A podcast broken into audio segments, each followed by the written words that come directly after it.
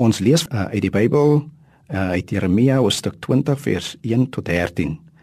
En wanneer u die skrif naslaan, word ons aangegryp deur hierdie gebeure.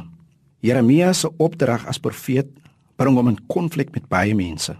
Die konings oral beleid van regering, die priesters oral afwyking van die waarheid en die duidelike valse leringe met die gevare van afgodsaanbidding.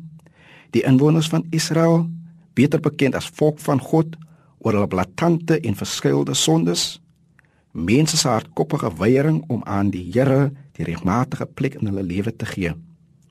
Dat hy nie kon stil bly of saamstem met gebruike en gewoontes van sy medegelowiges nie, het hom erg in onguns en op die samelewingsgrense laat beland. As jong man word Jeremia geroep om as godsman priester op te tree.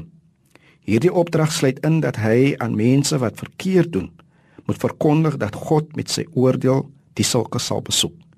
Hierdie oordeel sal vernietigend en ewig op hulle wees. Dinge sal skeefloop in hulle lewe. Die soeke na geluk en vrede met gemoedsrus daarby sal jou bly ontwyk. Jy sal nie wegkom nie. Jy sal deur God besoek word.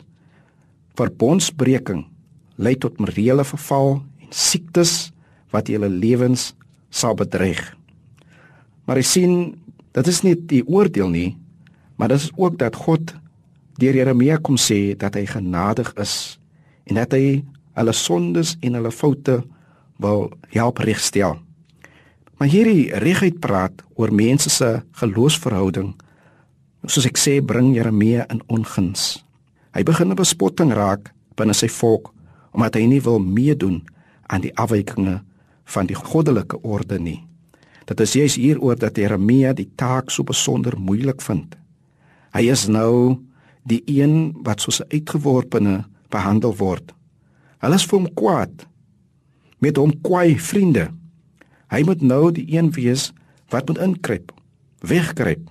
Geliefdes, ken ons nie dit nie. Hoeveel keer moet 'n mens ter wille van vrede nie net die minste wees nie? Jy praat die regte goed, dan is hulle vir jou kwaad. Jy word vermy. Jy word beskinder en beswadder. Dit lyk asof jy die verkeerd begin het. Dit maak 'n mens half bang om volgende keer oor die regte goed te praat. Die uiterste waartoe hy Jeremia gaan, is dat hy dan met die Here praat en sê Here, is ek nie vervloek nie? Vervloek is die dag van my geboorte. Waarom is ek gebore? Om my lewe lank verneder te word? Dit kan tog nie wees nie. Hoe ek praat en antwoord en handel word met 'n vergrootglas dopgehou. Tog kan jy nie swyg nie. Want God se woord brand soos 'n vuur in hom. En dan spreek Jeremia. Wat hy agterkom in vers 11 is: God is by hom, bekragtig hom, stel hom in staat om te kan spreek.